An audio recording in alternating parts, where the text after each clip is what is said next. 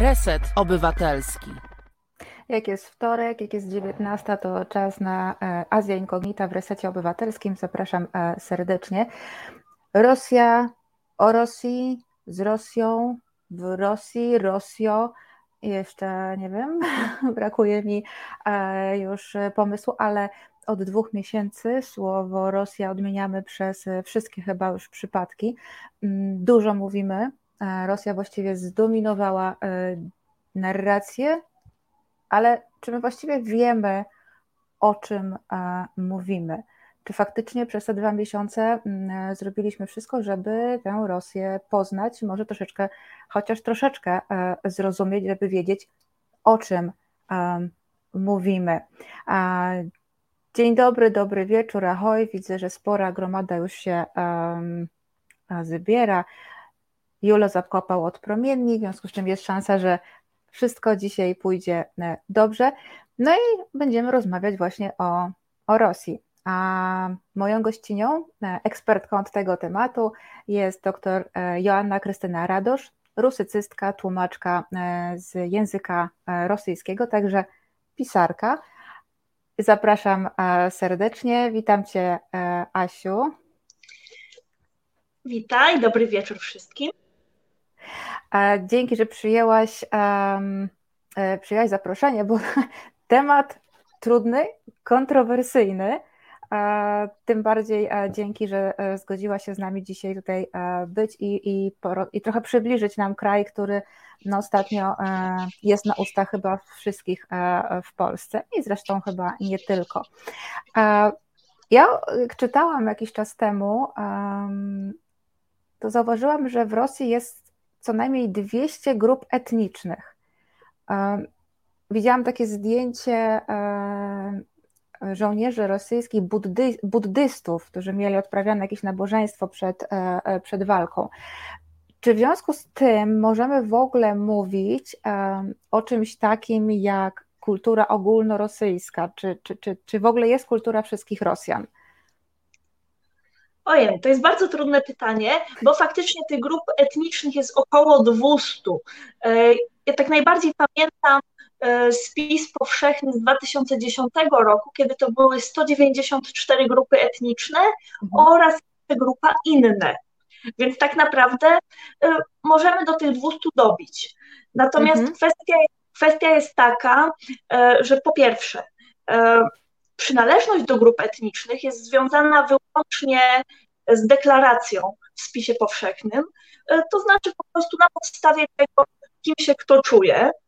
I taką największą grupą etniczną e, są Tatarzy. Zresztą Tatarzy mają dość dużą autonomię, zwłaszcza w ramach Tatarstanu, e, Autonomicznej Republiki Tatarstanu. Inną taką wielką grupą etniczną są Baszkirzy, którzy także mają swoją autonomię. Zresztą, jak byłam w Baszkirii, to tamtejsi z dumą mi opowiadali, że to od nich się zaczął podział Związku Radzieckiego właśnie na e, autonomiczne republiki, że tak naprawdę to Baszkirzy jako pierwsi zażądali tej autonomii. Nie wiem na ile to jest zgodne z faktami historycznymi, ale jest to bardzo, bardzo ciekawe. Tych etnosów mhm. jest wiele. Oprócz grup etnicznych oczywiście są też e, mniejszości narodowe taką największą mniejszością byli i myślę, że nadal są mimo wszystko Ukraińcy. I oczywiście grupy narodowe ze wszystkich e, byłych republik radzieckich, ale też Niemcy, Finowie e, czy Polacy. Ogółem jest to bardzo duży konglomerat i tak, Rosja jest krajem wieloetnicznym. Oczywiście centra władzy, czyli Moskwa, czyli Sankt Petersburg, to są miasta związane z tą kulturą wielkorosyjską. E, ja w ogóle bardzo lubię określenie wielkorosyjski, e, chociaż ono ma swoje nieprzyjemne przeciwieństwo, ponieważ e, o małorosyjskim, o Małorosji niektórzy Rosjanie pogardliwie tak nazywają Ukrainę i Ukraińców. Więc mm -hmm. Od tego się jednak dystansujemy. Natomiast faktycznie tych grup jest bardzo dużo e, i oprócz tego mamy takie szczególne rozróżnienie w języku rosyjskim. To jest ruski i Rosjanin. I najprościej przetłumaczyć to jak ruski to jest etniczny Rosjanin, natomiast Rosjanin to jest obywatel Rosji. I różnica, no właśnie jak słychać, po polsku to się jedno i drugie tłumaczy jako Rosjanin. Tylko, że Rosjanin może być etnicznie Tatarem, Baszkirem, e, Czuwaszem, Czeczenem, może być Finem, Niemcem, Żydem, kimkolwiek się czuje, natomiast ma po prostu rosyjski paszport. Z drugiej strony, ruski to jest taka kategoria dla osób, które czują ten związek z Rosją, e, czują się częścią Rosji i niekoniecznie w tej Rosji mieszkają. E, bardzo często to jest określenie na rosyjskojęzycznych obywateli byłych republik radzieckich. Czyli na przykład, jeżeli mówimy, jeżeli jakiś Rosjanin powie, że ruskie w Ukrainie, e, to niekoniecznie chodzi mu o żołnierzy rosyjskich w Ukrainie, tylko właśnie o rosyjskojęzyczną e, część ukraińskiego społeczeństwa. Przy czym to też nie jest reguła, więc to jest mocno zaplątane e, i bardzo przeszkadza w jakiejś takiej klaryfikacji dyskursu. I oczywiście tutaj trzeba dodać, że grupy narodowe, te mniejszości narodowe w Rosji wzięły się przede wszystkim z przesiedleń w okresie e, ZSRR. Te przesiedlenia z kolei były efektem głównie stalinowskiej polityki tego jednego narodu e, i wykorzenienia mniejszych języków, mniejszych kultur właśnie poprzez wymieszanie narodów. No, Stalinowi to kompletnie nie wyszło, ponieważ mhm. E, do dzisiaj mamy e, chociażby na Łotwie. Na Łotwie jest około 70% ludności łotewskojęzycznej i bardzo duży procent ludności rosyjskojęzycznej. Ludzi, dla których pierwszym językiem jest język rosyjski, są też miasta, na przykład drugie co do wielkości miasta Łotwy Daugavpils, e, czy też Dźwińsk, czy też Dyneburg, e, które jest w przewadze swojej rosyjskojęzycznej. Zresztą myślę, że o Łotwie jeszcze będzie czas opowiedzieć, bo to jest w ogóle bardzo ciekawy e, przypadek. Z kolei grupy etniczne to w większości efekt jakichś okoliczności historyczno-geograficznych, powiększania terytoriów, przyłączania terytoriów i pozostawiania lokalnej kultury na zasadzie dopóki mówicie też naszym językiem, to tam sobie czcijcie, co chcecie tak przez wiele wieków to trwało. Ale y, powiedz mi proszę, czy to określenie ruski, tak, i no, te, te dwa określenia, mm, to są stosowane sami o sobie tak mówią, czy to jest, y, czy tak się mówi o nich? E, jedno i drugie. To też Aha. jest określenie stosowane przez właśnie, e, to znaczy mało kto mówi o sobie Rosjanin, to jest raczej grażdanin Rosji, czyli obywatel rosyjski dosłownie już. Natomiast po prostu Rosjanin to jest ktoś, kto mieszka w Rosji, a niekoniecznie jest Rosjaninem etnicznie. Bo my mówimy, zaraz do tej wieloetniczności jeszcze wrócę, ale my mówimy e, teraz, mam wrażenie, o Rosji głównie z perspektywy europejskiej, jako o kraju europejskim, a przecież mm, czy to jest słuszne? Bo ja jednak uważam, że powinniśmy rozpatrywać e, Rosję bardziej jako kraj azjatycki. Już nie, nie chodzi o samą geografię, tak, no bo jednak większa część Rosji leży w Azji, ale też o politykę, która jest mocno nakierowana na, e, na państwa azjatyckie, ale też właśnie może tą etniczność. Jak, jak ty uważasz? E, to znaczy, owszem, większość terytorium Rosji leży w Azji, natomiast większość ludności w Rosji mieszka w Europie. To jest ten paradoks. E, azjatycka część Rosji jest bardzo słabo zaludniona, e, ale też myślę, że gdyby spojrzeć na to właśnie etnicznie, no to chociażby taki Władywostok, który praktycznie graniczy z Chinami, a jednak mhm. jego ludność jest bardzo mocno zeuropeizowana e, i mamy też republiki Tatarstanu czy Baszkortostanu, które są albo w większości, albo w całości jeszcze po stronie europejskiej, natomiast to już jest ludność, no to, to są ludy turkijskie, więc to są bardziej e, orbitujące w stronę jednak e, Azji, jakichś etnosów azjatyckich. Więc to jest bardzo, to jest bardzo skomplikowane. E, jeżeli mówimy o Rosji jako o przynależnej do jakiegoś kontynentu, to ja bym powiedziała, że Rosja jest właśnie tym punktem granicznym mm -hmm. między Europą i Azją i jest troszkę europejska i troszkę azjatycka. I w różnych momentach swojej historii bywa bardziej europejska i bardziej azjatycka. A co ciekawe, te dwa ośrodki tego e, makroetnosu rosyjskiego, tego makroetnosu e, europejskiego makroetnosu azjatyckiego. Oba są po europejskiej stronie, bo tak się przyjęło mówić, że to za tę europejskość Rosji odpowiada Petersburg, natomiast za azjatyckość e, Moskwa.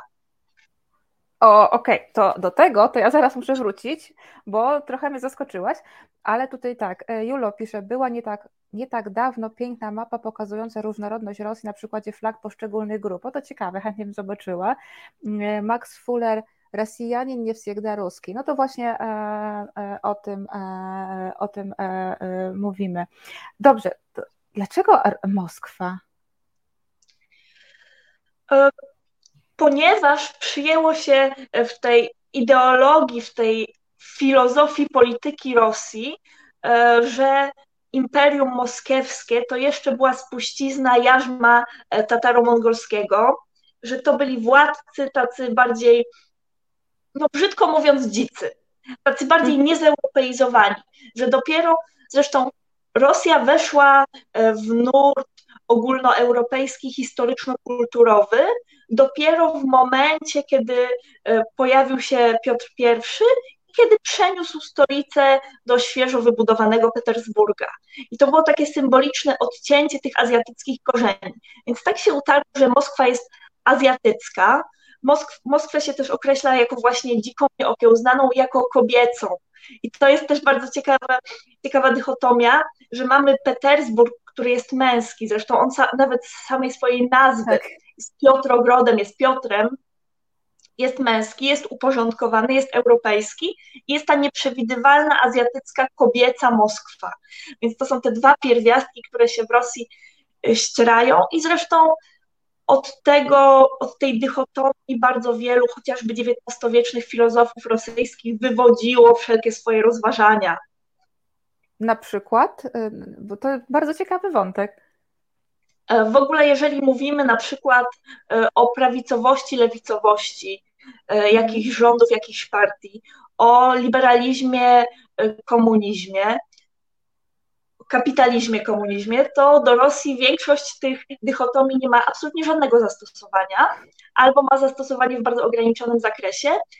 Podział w Rosji jest bardziej na okcydentalistów, czyli tych ciążących ku Europie, oraz mhm. słowianofilów ciążących e, ku słowiańskości, ku jakiejś no później jest jeszcze panslawizm, czyli dość radykalny odłam, chcący zjednoczyć wszystkie narody słowiańskie, oczywiście pod egidą rosyjską. Brzmi to niestety boleśnie znajomo. E, natomiast faktycznie to jest okcydentalizm, czyli dążenie ku zachodowi, Rosja musi się stać zachodnia, oraz słowianofilstwo, które mówi, że Rosja ma swoją szczególną drogę, ma swoją szczególną misję. I tak naprawdę większość historii Rosji od powiedzmy początku XIX wieku aż po dziś dzień to są te dwie ścierające się siły. Mm-hmm, mm-hmm. Julo pisze, jak się dowiem, kto nas realizuje, to mogę podesłać na maila realizacji. E, podeślij na maila realizację po prostu i, na pew- i tutaj e, czuwamy. Jest z nami dzisiaj też Kornel, jest też nowy realizator, także dzisiaj mamy taki dzień nie wiem, debiutu, czy już debiutował, nie wiem, no ale w Azji Incognita nowy realizator e, debiutuje, także Julo podsyłaj, e, podsyłaj to może zdążymy, e, damy radę pokazać. Mm, Asiu, a pozostając przy tej wieloetniczności, jaki status mają te mniejszości etniczne? Jak są postrzegane przez etnicznych Rosjan, jeżeli w ogóle jest coś takiego możliwe jak etniczny Rosjanin? Co do tego etnicznego Rosjanina, e, coś, co na przykład w mojej rozprawie doktorskiej mi wiele bólu głowy przysporzyło, Aha. bo pisałam o rosyjskiej fantastyce. No i gdzie tu jest ta rosyjska fantastyka? Więc ja dla siebie stworzyłam taki, taką roboczą definicję, że mówimy o autorach, których pierwszym językiem jest rosyjski, którzy nie deklarują się jako nie Rosjanie ci etniczni. Rozumiem. Ponieważ mhm razie to byśmy po prostu e, popłynęli kompletnie na materiały. Natomiast co do Twojego pytania, e, co do statusu tych mniejszości etnicznych. E, jak widać, one jakąś autonomię większą lub mniejszą mają. Jedne by mhm. chciały mieć trochę większą, inne mają taką, która w zupełności im odpowiada. Wydaje mi się, że na przykład właśnie Baszkirzy są takim przykładem. Ja będę do tych Baszkirów wracać, ponieważ mhm. ja w Baszkirii byłam i na własne oczy widziałam, że tam absolutnie wszystkie znaki są w dwóch językach, po rosyjsku i po baszkirsku. Chociaż być może jest ułamek, jest jakiś promil ludności e, na bardzo głębokich wsiach, która nie zna tego rosyjskiego. Ale mimo to wszystko jest dwujęzyczne. Międzynarodowe lotnisko w Ufie, wszystko jest dwujęzyczne. Mhm. Wszędzie dwujęzyczne, to, to po prostu piękne. Jednak to jest jakieś celebrowanie tej e, wieloetniczności. I Baszkirzy bardzo pamiętają o korzeniach. I właśnie w takich miejscach e, ta etniczność jest celebrowana.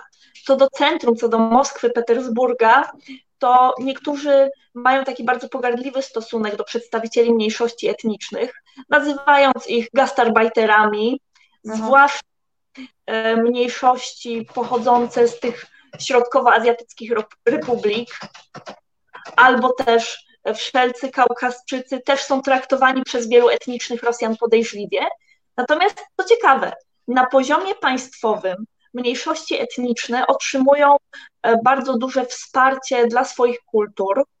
Są różne programy i efektem jednego z takich programów jest, tutaj pokażę, to jest dość spore tomiszcze. To jest, tak, to jest proszę Państwa 4-kilogramowy, ważyłam, tomik poezji narodów Rosji, czyli właśnie tych wszystkich etnosów. Mhm. E, I to jest tomik szczególny, ponieważ e, mamy tam wiersze w językach narodowych, w tych językach mniejszości i te same wiersze przetłumaczone na rosyjski, strona w stronę. Więc to jest wydanie wielojęzyczne. Ono jest sponsorowane przez Rosyjskie Ministerstwo Kultury. To jest w ogóle wydanie z 2017 roku. E, podobne wyszły też niestety nie mam tomy opowiadań, jest antologia prozy, jest antologia bodajże dramatu i jest antologia twórczości dziecięcej. Mhm. Więc to jest jakiś krok w stronę mniejszości. Zresztą powstają też bardziej komercyjne projekty. Tutaj mam na przykład e, książeczkę, kolor, kolorowankę z zadaniami, właśnie pokazującą różnorodność etniczną Rosji. Tutaj akurat strony o Baszkirach, e, Aha. Tak, pokazywanie, e, gdzie Baszkirzy mieszkali w dawnych czasach, pokazywanie języków, kolorów właśnie flag regionów. To jest bardzo fajna rzecz. E, I z jednej strony mamy różne takie świetne akcje promocyjne, akcje mające na celu odrodzenie tych regionalnych kultur, no bo też powiedzmy, że młodzież woli się uczyć oprócz rosyjskiego angielskiego niż powiedzmy baszkirskiego czy tatarskiego, bo po co im baszkirski czy tatarski?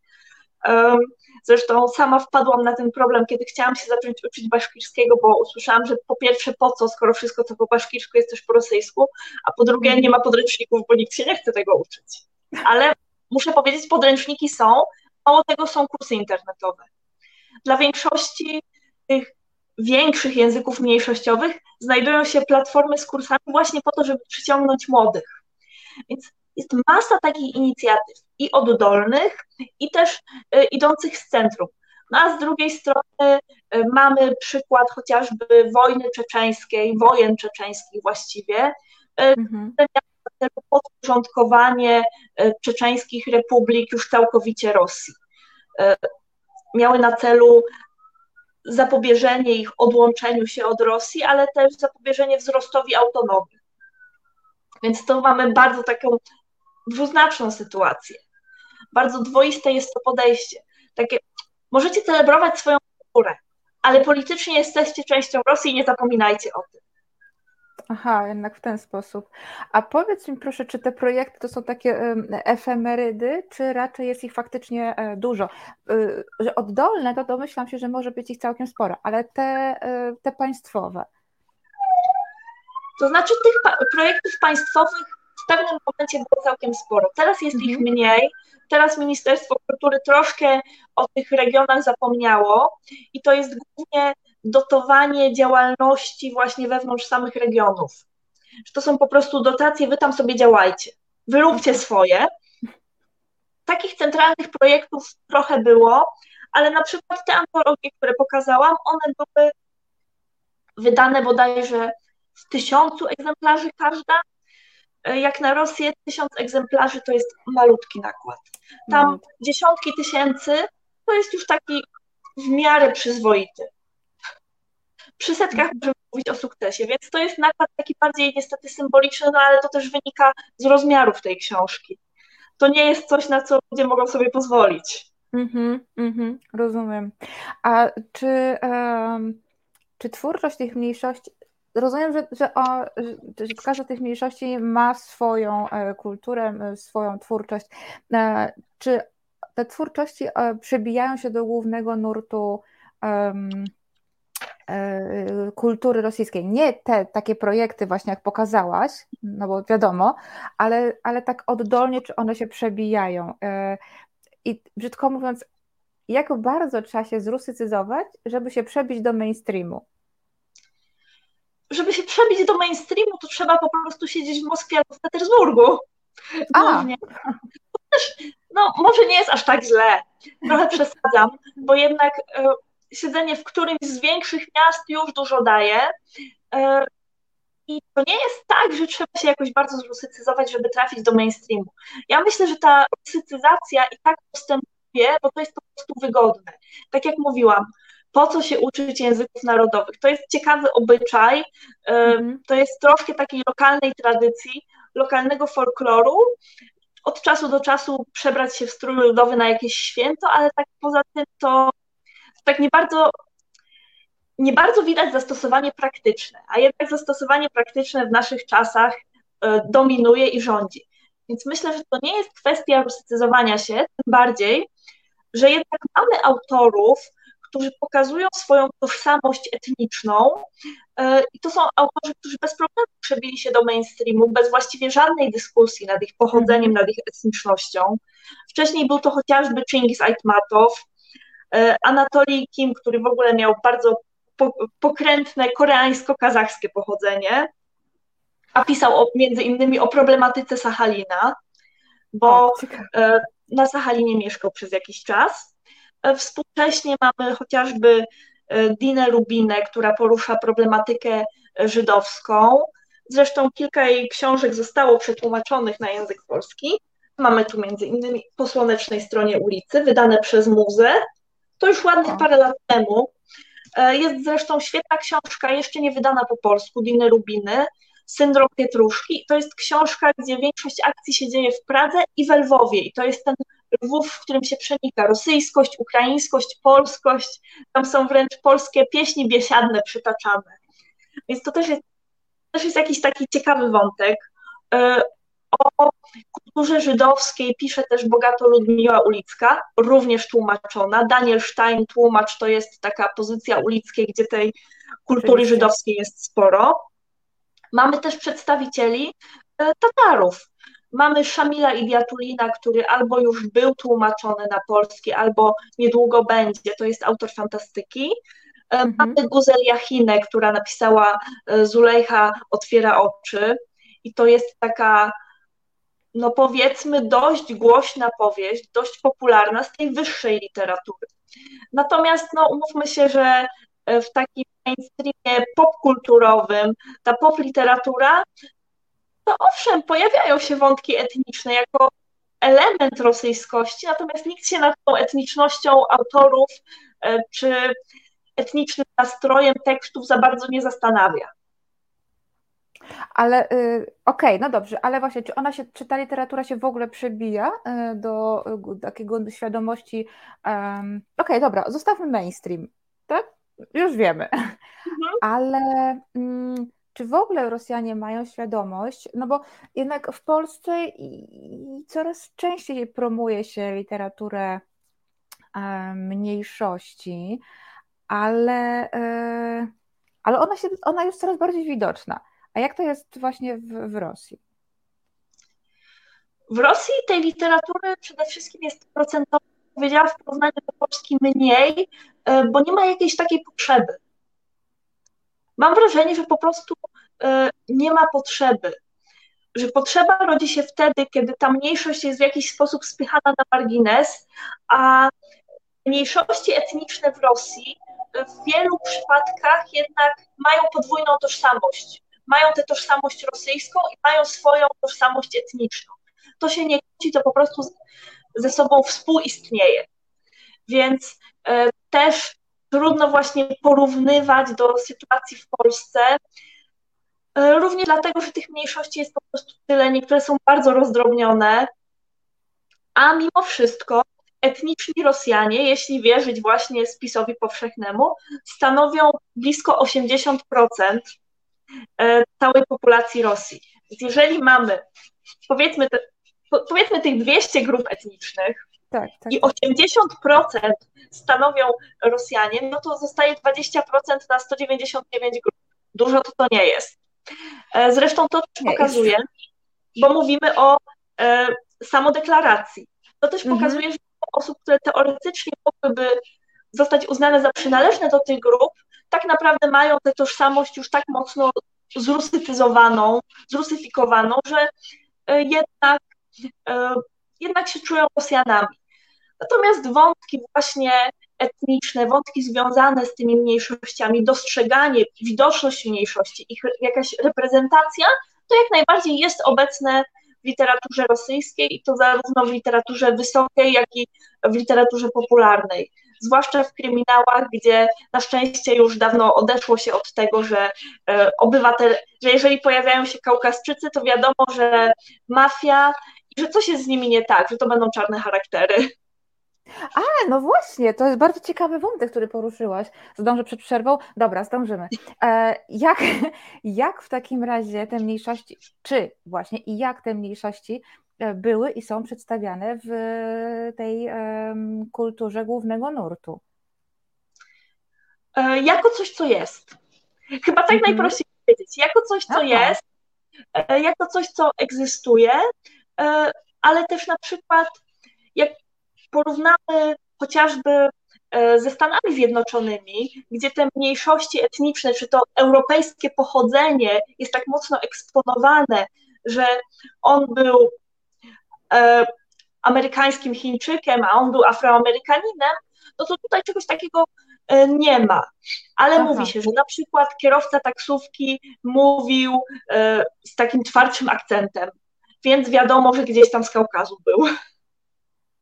Okej, okay, ale powiedziałeś, że byli przedstawiani na przykład jak Kaukaszczyk, to znaczy, że był jakimś tam e, gangsterem, tak? Czyli jednak taki negatywny wizerunek był w pewnym momencie. Tak, to było w latach 90. przede wszystkim. W latach 90., kiedy pojawił się ten tak zwany efekt wyłączonej zamrażarki i te wszystkie uśpione konflikty etniczne, uśpione przez współbudowanie komunizmu, nagle po upadku ZSRR wyszły na światło dzienne. Rozumiem. Tego się bardzo dużo problemów narobiło. Zresztą wojna w Czeczeniu jest jednym z problemów.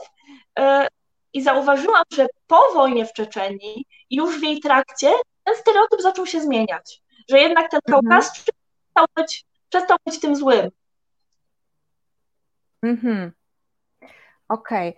Okay. Tutaj pisze e, Marcin, realizator, że mamy e, Yy, mamy, mamy mapę od Jula, gdybyśmy mogli ją pokazać, bo jestem też sama ciekawa, jak to właśnie wygląda.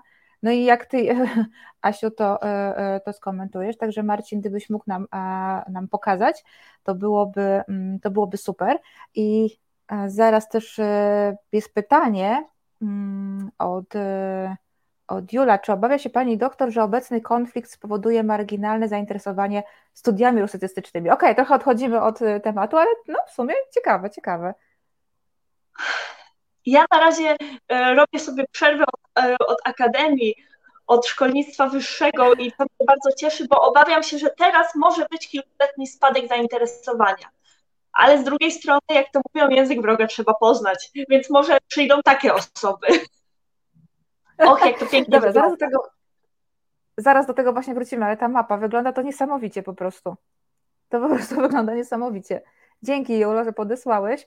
E, faktycznie e, no, dopiero teraz widać, e, że w ogóle, czy my w ogóle możemy mówić o rosyjskości.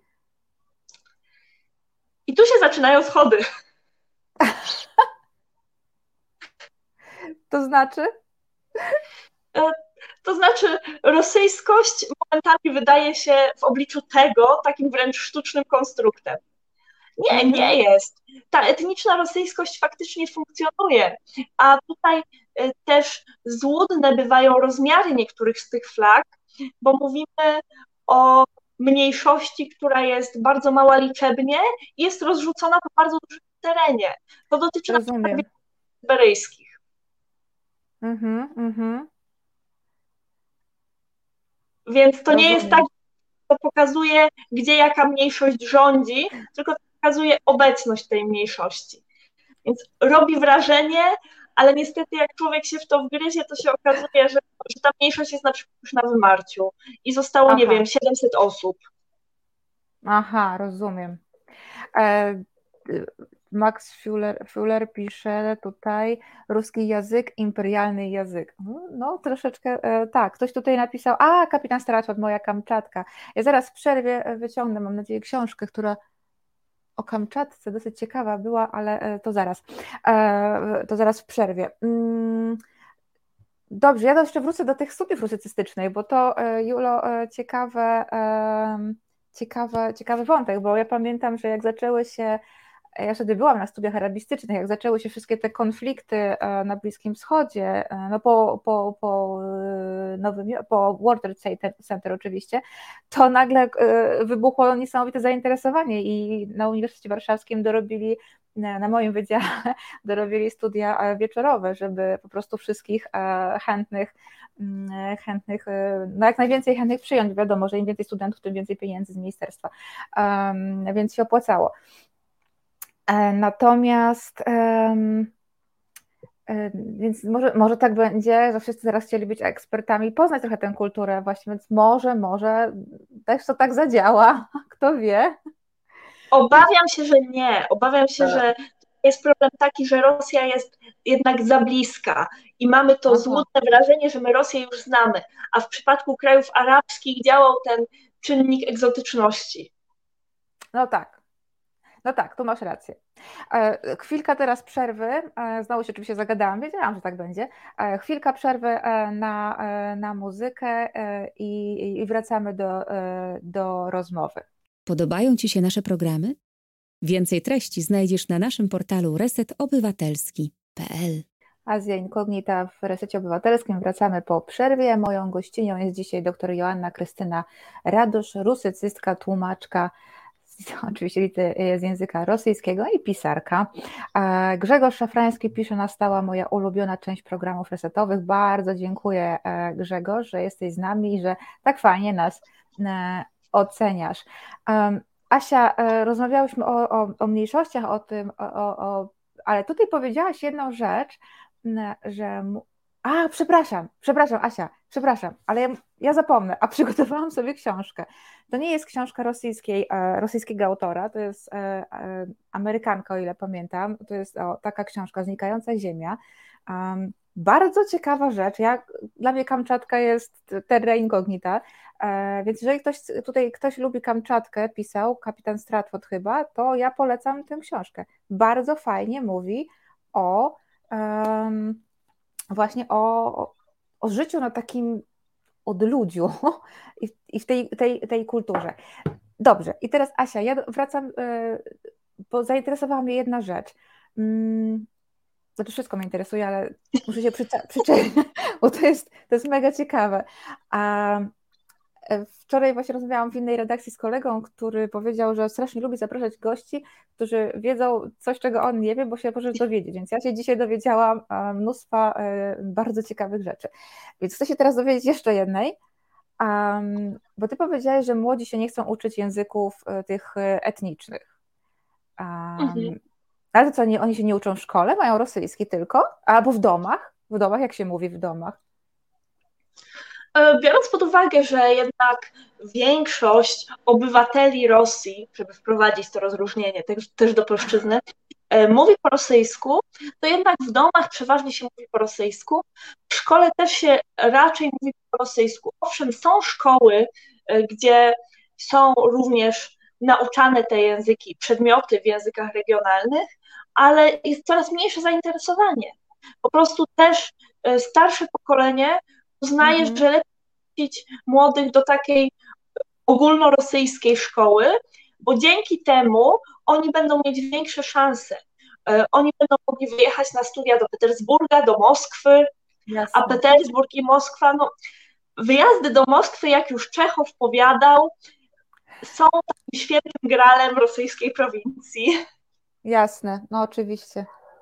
Oczywiście. A te mniejszości etniczne mają jakieś, yy, jakieś, nie wiem, brzydko mówiąc, fory, czy po prostu, czy tak jak yy, wszyscy normalnie zdają egzaminy, no, tak nie są faworyzowani? Normalnie zdają egzaminy. Mhm.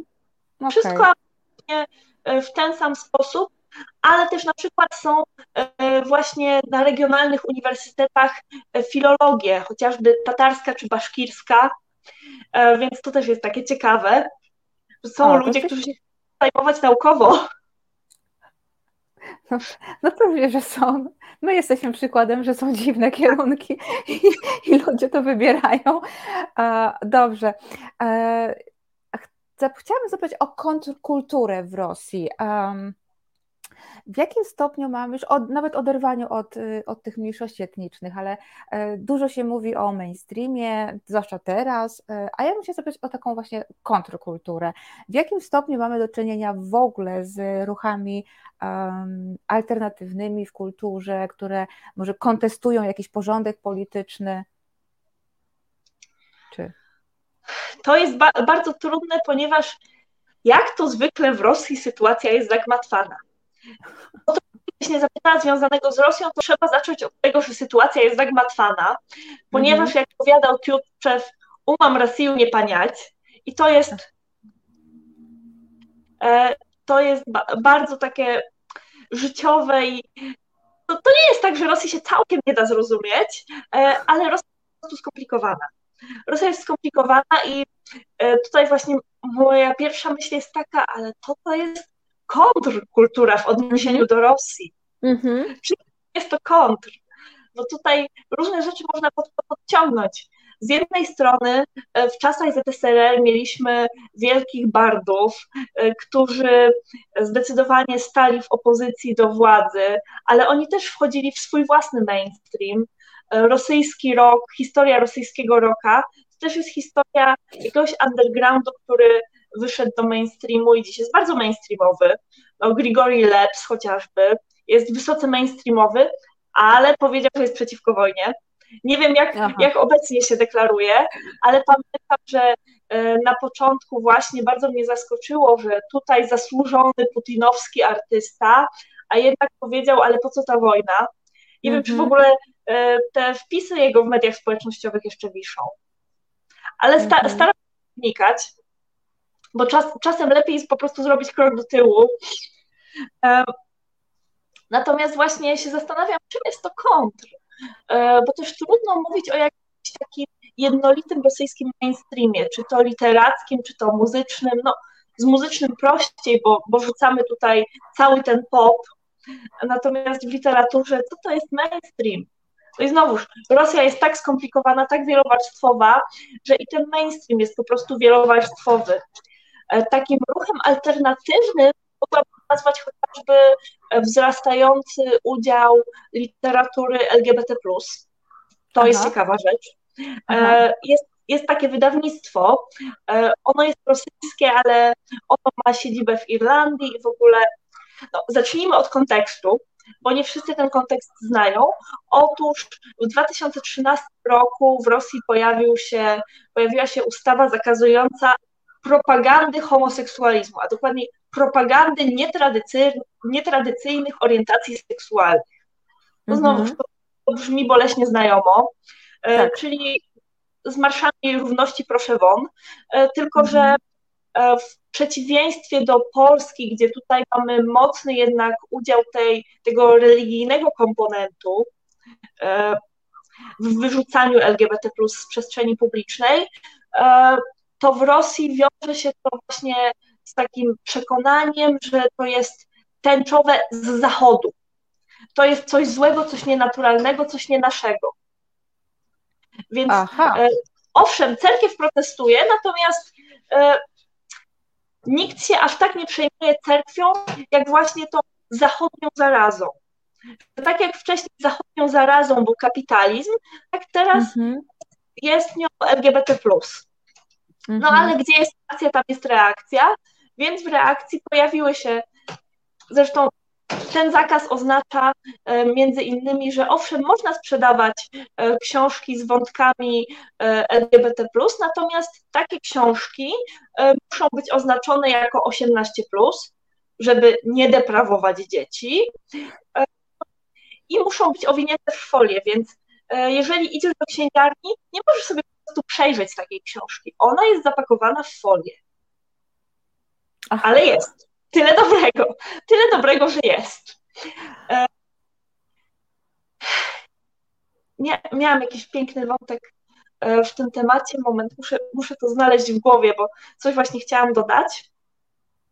A, już wiem. E, I problemy były takie, że kiedy na przykład wydawano zachodnich autorów, bodajże to dotyczyło Wiktorii Schwab, E, która mhm. miała jakąś tam, bodajże trylogię, to była trylogia, tak. że w drugim albo trzecim tomie e, pojawił się tęczowy wątek.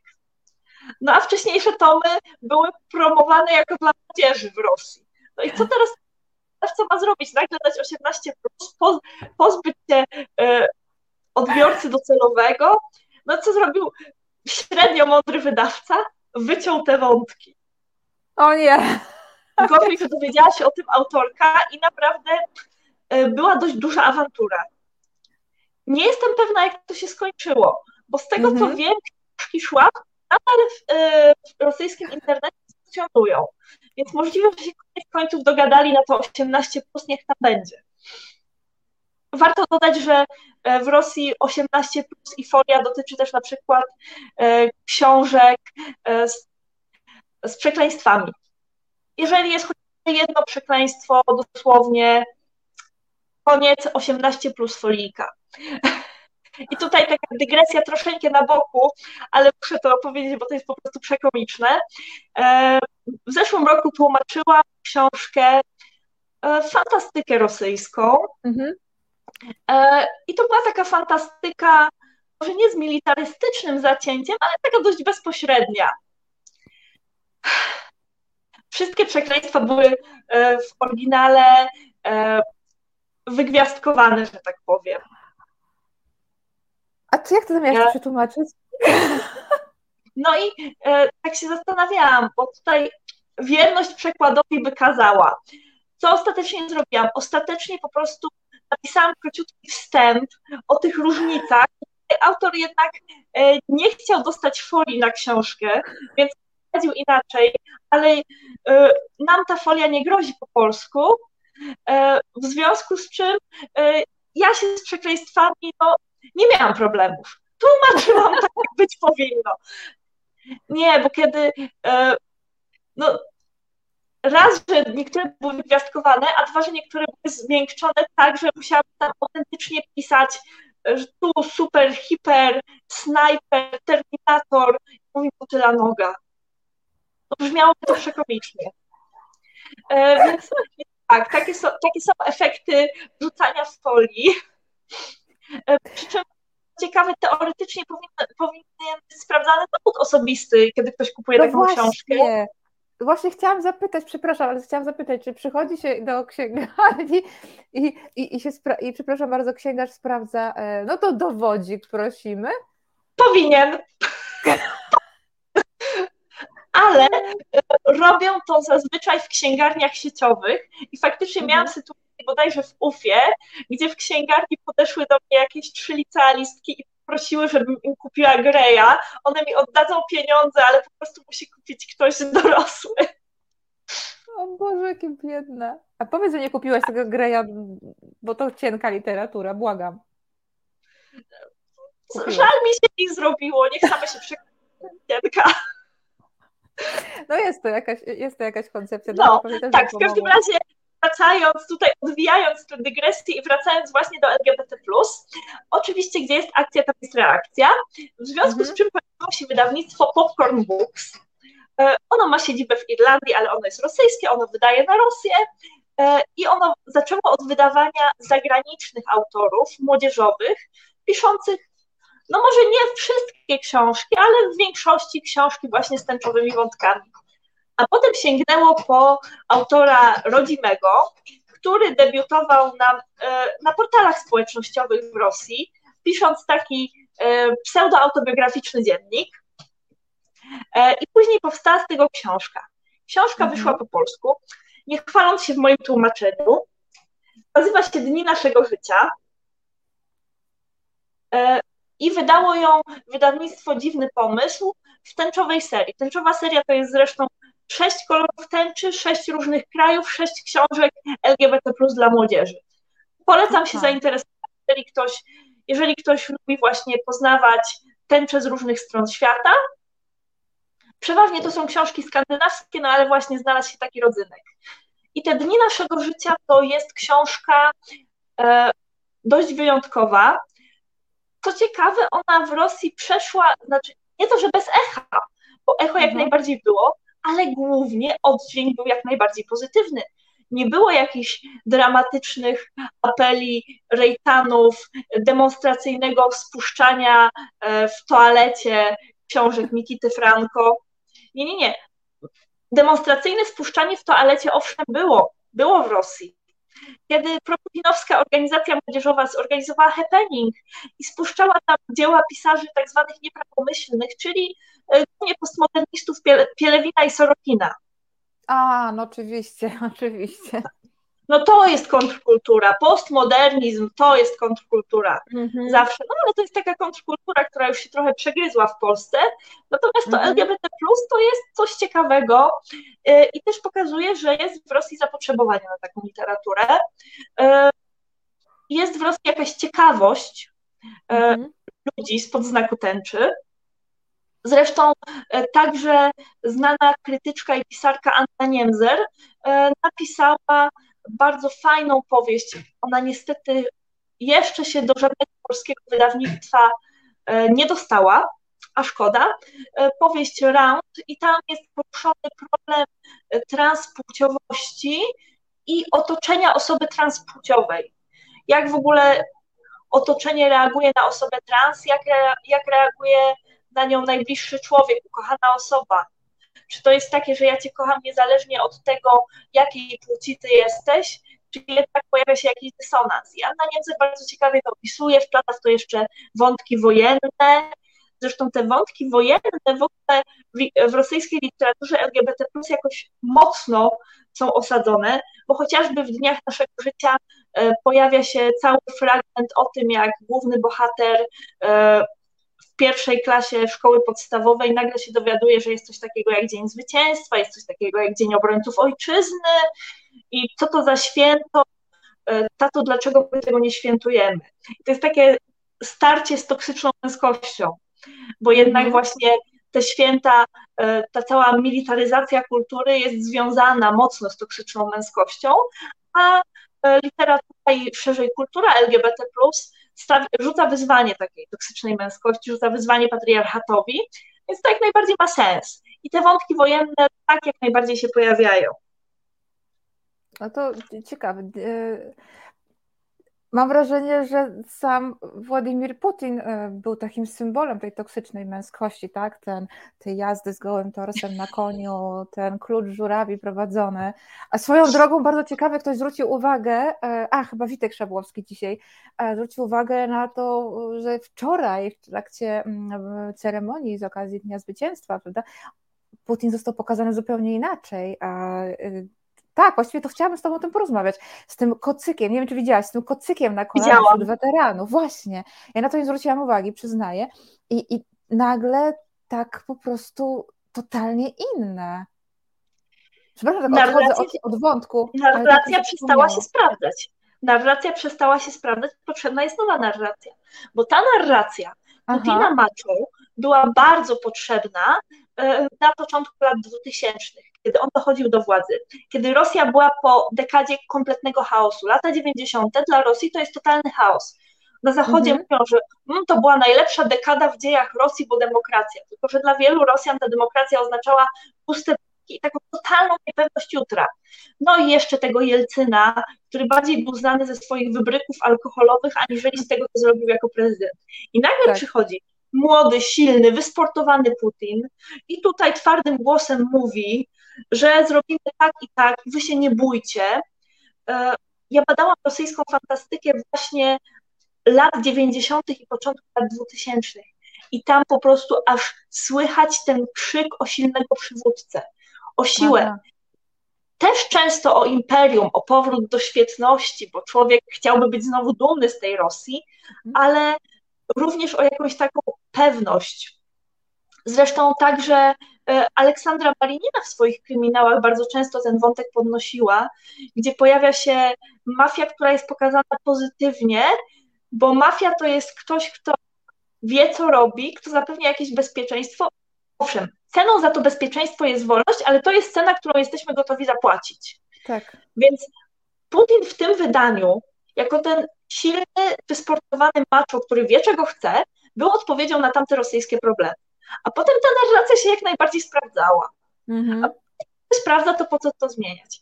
Teraz nagle się okazuje, ja pamiętam jeszcze jedną rzecz, e, bo to nie jest pierwszy raz, kiedy pojawia się ta inna twarz Putina.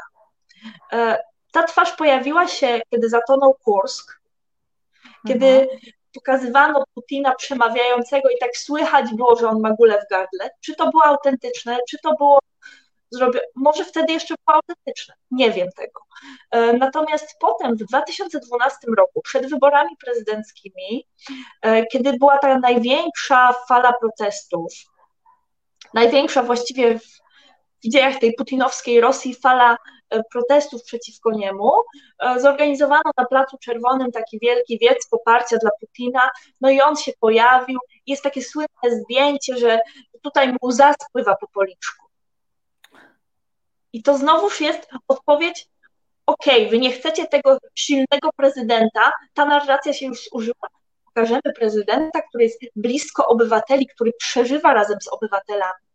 I myślę, że ten koc na nogach też się nie pojawił przypadkowo, że to mhm. też jest jakiś znak, e, jakaś zmiana narracji, że skoro jest protest przeciw jednej wersji, to, to my zaraz pokażemy inną wersję. No oczywiście w tym momencie to już się kompletnie nie sprawdza w tym mhm. momencie to jest po prostu to nie wiem, jak przypudrować Lenina w mauzoleum i mówić, że żyje. Okej, okay, no ale to Rosjanie mają dosyć takiego, tego, tej właśnie tej toksycznej męskości w kulturze? Zależy, których Rosjan spytasz. Bo są Rosjanie, którzy absolutnie doskonale się z tym czują, bardzo miłe. Widzę to bardzo miłe e, Są się z tą toksyczną męskością wspaniale czują, którzy chcą imperium i niech to imperium pręży muskuły, choćby mm -hmm. to mhm. były ostatnie podrygi, mm -hmm. a niektórzy mówią, halo, ale to nie jest tak, że albo ten Zachód, którym nas straszycie, albo to, co mamy teraz. Istnieje jakaś opcja pośrednia. Zresztą w ogóle tutaj jeszcze muszę to powiedzieć, bo to jest taka ciekawa dwoistość Rosji. Zresztą e, cała tak zwana dusza rosyjska, cały rosyjski charakter narodowy stoi na dychotomiach, więc od tych dychotomii nie uciekniemy. E, spotkałam się z taką bardzo ciekawą teorią, że Rosja to jest wiecznie e, lud, który chce jednego, lud, który jest słowiański i władza, która jest germańska czyli władza, która kocha ten porządek i siłę mm-hmm. i lud, mm-hmm. który mieć święty spokój. To jest, to jest w ogóle bardzo ciekawa dychotomia. Zresztą tę germańskość się chociażby w Putinie dostrzega.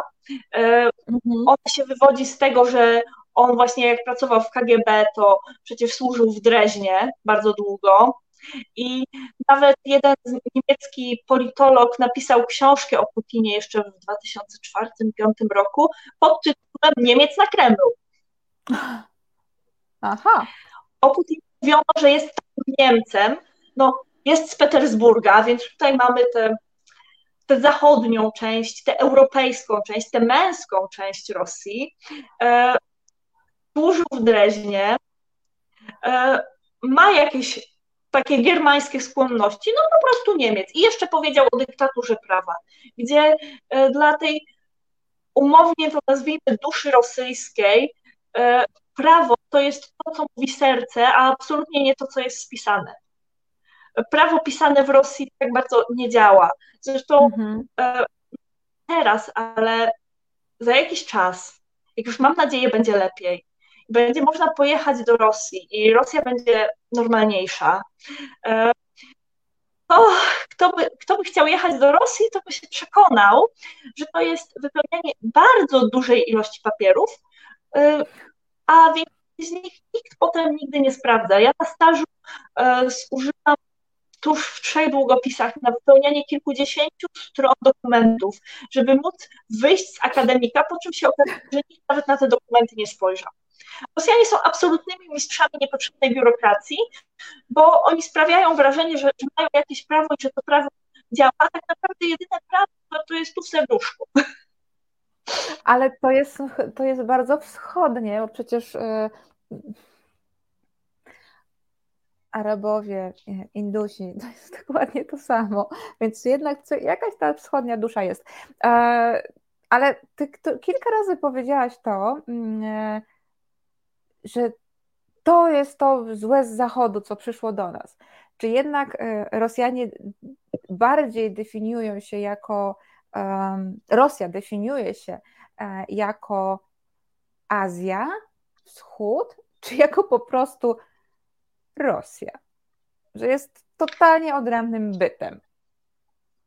Rosja definiuje się jako Rosja. E, znaczy no. tak, ze wschodem to nie ma, nie ma zbyt dużego problemu. No jest jakaś Japonia, która by chciała kuryle, są jakieś Chiny, które od czasu do czasu czymś tam grożą, ale tak ogólnie no, no jest sobie wschód.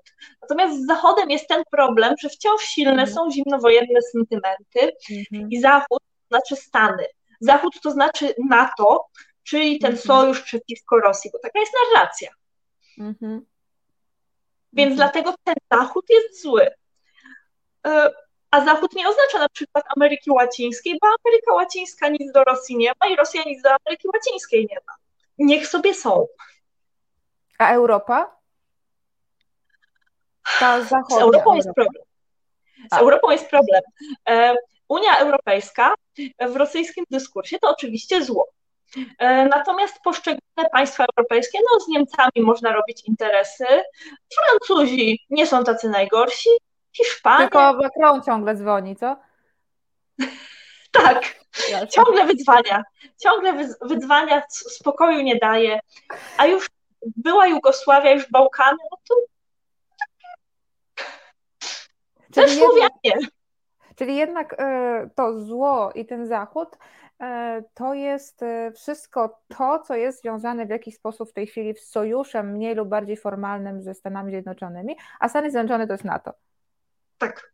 Mhm. Tak właśnie to wygląda. Ciekawe. Tak właśnie wygląda ta narracja, tak właśnie wygląda ten dyskurs, dlatego ten Zachód jest taki niebezpieczny, bo mhm. jeżeli by to chodziło o Zachód, o coś, co przyszło właśnie z Niemiec, z Francji, z Włoch, witamy. Może nie, niekoniecznie z otwartymi ramionami, ale to nie jest tak drażniące. Natomiast e, Stany Zjednoczone i powiedziałabym szerzej, to cała anglosfera, bo Wielka Brytania też się zalicza.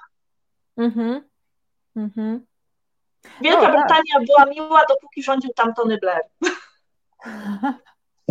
Aha, Ciekawe. Ale jeszcze wrócę do poprzedniego, bo mówiliśmy dużo um, o toksycznej męskości, o Putinie jako symbolu tej toksycznej męskości i takiej potrzebie tego, tego silnego przywódcy. No ale przecież mateczka Rosja to kobieta. Gdzie jest ten pierwiastek rosyjski? Czy on się jakoś przybija e, w kulturze, w świadomości, czy jest kompletnie zepchnięty? Tak jak wczoraj, e, no, to, to powiedział co prawda Łukaszenka do, do dziennikarki, że e, pani się niech nie stresuje, pani ma rodzić dzieci i je wychowywać. E, więc czy, czy, czy, no, czy w Rosji też jest właśnie tak postrzegany ten pierwiastek kobiecy? Jeden z rosyjskich filozofów, których się już coraz mniej cytuje, Nikołaj Bierdiajew, powiedział, że Rosja to tak naprawdę jest pierwiastek żeński, który dopiero trzeba, trzeba przyoblec w męską formę. No i tą męską formą jest ta germańska, narzucona, zewnętrzna władza. no właśnie, tutaj też mamy wyjaśnienie, dlaczego wielu Rosjan nie rozumie, ale o co wam chodzi, jaki wybór macie do nas, skoro, skoro coś zrobił Putin. Bo, władza, bo to, przywykło się, że władza jest jak pogoda. No, tak człowiek nie za bardzo ma na nią wpływ. Może tylko jakoś wziąć ten parasol i wyjść z domu z parasolem, żeby deszcz na niego nie padał, no ale zmienić pogodę? No i tak samo, zmienić władzę? Jak, Aha. gdzie, kiedy? Um, Rozumiem. Tak, natomiast ten pierwiastek kobiecy, no to jest sama Rosja. Jeżeli mamy e, tutaj właśnie pierwiastek męski w postaci władzy, to pierwiastkiem kobiecy e, będzie sama rosyjska populacja, która daje sobie radę mimo wszystko. I to jest tak na zasadzie, jakoś się przystosujemy, jakoś to będzie, coś wymyślimy. Jakby, gdzie by tych Rosjan nie rzucić, to oni jakoś sobie poradzą, coś wydrążą. To jest naród przywykły do radzenia sobie. E, przywykły właśnie no do tak. radzenia różnymi niesprzyjającymi okolicznościami życiowymi czy geograficznymi, bo okoliczności geograficzne też odgrywają dużą rolę. Ale też jest kwestia tego, że e, rosyjskie kobiety tak naprawdę niosą na swoich barkach ogromny ciężar. Bo nie ukrywajmy, e, przeciętna rosyjska kobieta e, ma dzieci, które urodziła i ma to dziecko, za które wyszła.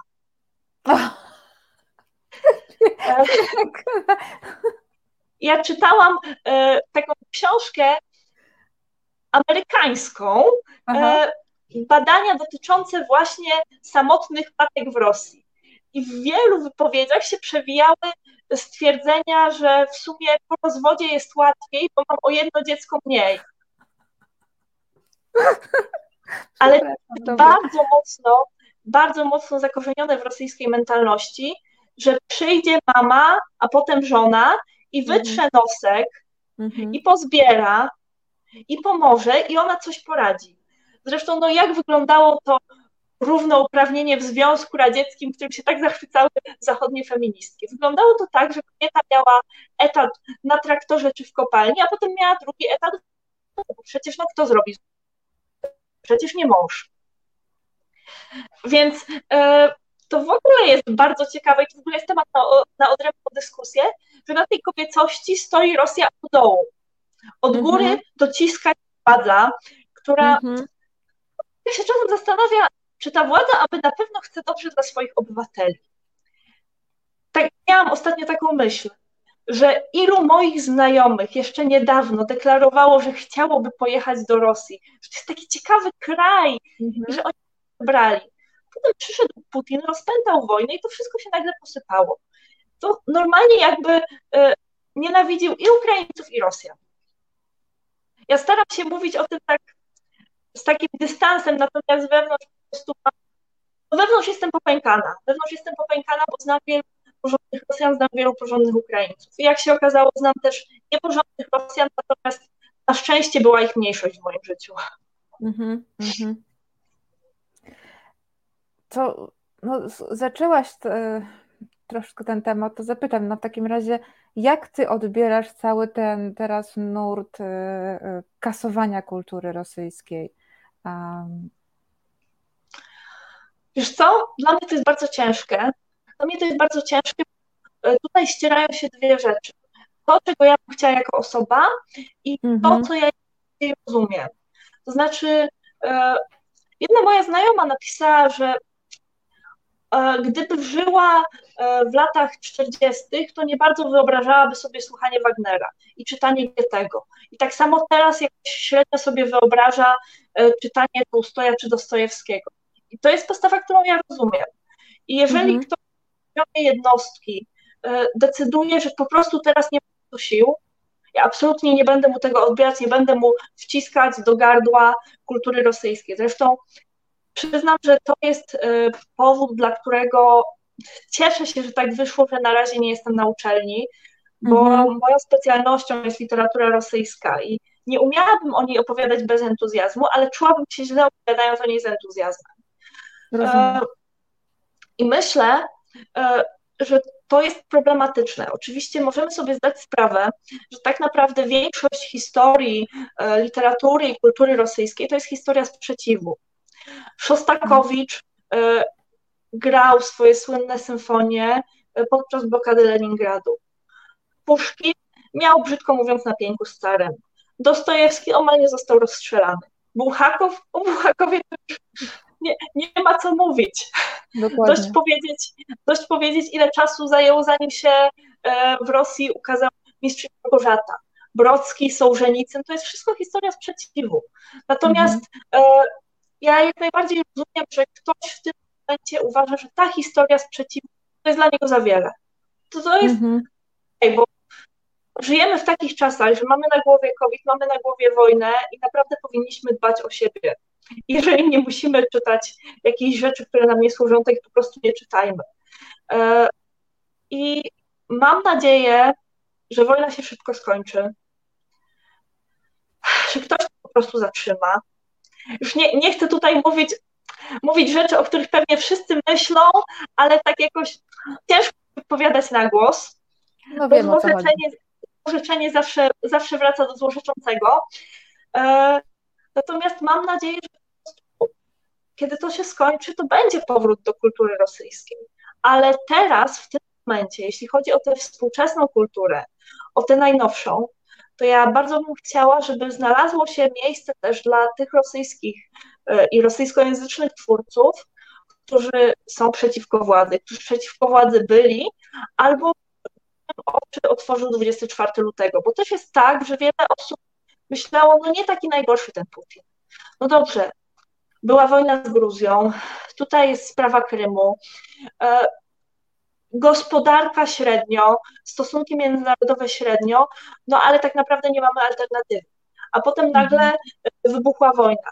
Więc ja dopuszczam myśl, że wielu osobom wybuch wojny otworzył oczy. Zresztą e, są w Rosji bardzo intensywnie promowane petycje ludzi kultury o zakończenie wojny, o postawienie odpowiedzialnych przed Międzynarodowym Trybunałem. Więc to jest tak, że no, inteligencja rosyjska e, w sporej części ma świadomość. Natomiast myślę, że e, nie widzę problemu w tym, żeby dawać pole, dawać platformę e, tym ludziom, którzy teraz w Rosji absolutnie nie mają prawa głosu, a to są ludzie, którzy mogą tę Rosję odbudować w taki sposób, żeby ona nikomu nie zagrażała. Bo owszem, możemy powiedzieć, no Rosja sama przypieczętowała swój los, lepiej by było, żeby zniknęła dla świata, tylko to nie rozwiąże problemu. Jeżeli ktoś nienawidzi Rosji i chce jej zniknięcia, to nie sprawi, że ta Rosja w jakikolwiek sposób przestanie być zagrożeniem. Jedyny, jedyną taką długofalową ścieżką jest przebudowa. Jest przebudowa właśnie w duchu takich ludzi jak, nie wiem, jak Gali Kasparow, jak Borys Akunin, który od bardzo dawna był antyputinowski, mhm. jak Mikita Franko, autor Dni Naszego Życia, e, jak Ludmiła Ulicka, która e, bardzo długo zajmowała się prawami człowieka. Więc takich twórców jest dużo. Ja myślę, że właśnie co należy dawać platformę. No miałam straszny problem z tym, że na początku wojny jedno z wydawnictw ogłosiło, że przesuwa premiery utworów rosyjskich autorów, utworów, oni nawet chyba napisali, że tłumaczonych z rosyjskiego, e, no bo jakoś tak, bo chcą wyrazić e, wsparcie dla Ukrainy. Tylko, że w tym samym poście wydawnictwo napisało, że ci autorzy są antyputinowscy. To jeżeli my mhm. zabieramy takim autorom e, pole, jeżeli zabieramy im platformę, możliwość głosu, to kto im tę platformę da? I tak to jest coś, czego miałam nie mówić. Dobrze, że moja mama tego nie ogląda, ale chciałam powiedzieć, że e, jest bardzo problematyczne to, że jeżeli tak totalnie bierzemy Rosję, totalnie bierzemy Rosję jak skończone zło i wszyscy Rosjanie niezależnie od poglądów są winni, e, to stawiamy Rosjan przed wyborem. Albo e, idziesz w stronę pokoju, w stronę Zachodu, w stronę jedności, w stronę pokoju myślę, że brzmi najlepiej e, i masz przeklepany niezależnie od poglądów, albo jesteś po stronie wojny i póki jesteś po stronie wojny, to przeklepane nie masz. A jednak umówmy się, każdy człowiek w pierwszej kolejności dba o siebie. To jest absolutnie naturalne, to jest to, czego nas w samolotach, maskę tlenową zakładać najpierw w sobie. Więc to jest człowiek postawiony przed takim wyborem, nie pomyśli o tym, że miliony ludzi umierają na Ukrainie, w Ukrainie. Przepraszam, jeszcze czasem mi się zdarza. E, nie, nie, nie pomyśli o tych wszystkich Ukraińcach, bo w pierwszej kolejności sobie, w pierwszej kolejności pomyśli o tym, jak ratować siebie. Więc powinniśmy wspierać takie głosy. To nie znaczy, że teraz trzeba klaskać każdemu Rosjaninowi, który powie, że jest przeciwko wojnie, hip hip hura, e, ale trzeba mieć świadomość. Dzisiaj powiedzenie w Rosji, że się jest przeciwko wojnie, w ogóle powiedzenie o wojnie, e, to niekoniecznie jest podpisanie na siebie wyroku, ale to jest bardzo duże ryzyko. Mhm. Więc jeżeli mamy te głosy przeciwko wojnie, mamy głosy przeciwko Putinowi, fajnie dawać im platformę, fajnie e, wysyłać do zwykłych Rosjan przekaz, słuchajcie, to nie jest tak, że my was nienawidzimy za paszport. My mamy problem z ludźmi, którzy zabijają, z ludźmi, którzy chcą zabijać, z ludźmi przepełnionymi nienawiścią. Nie mamy problemu e, z paszportem, nie mamy problemu z narodowością.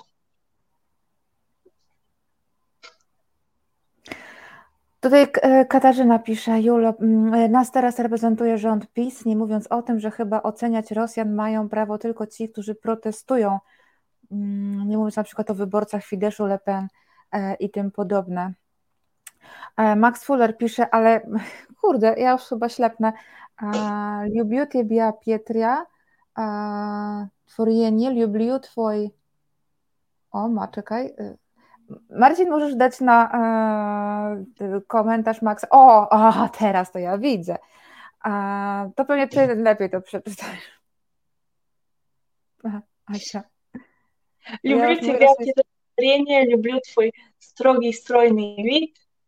I, no tak. i, Wiadomo, Wiadomo, gdzie. I to by było zafoliowane w Rosji, jak rozumiem.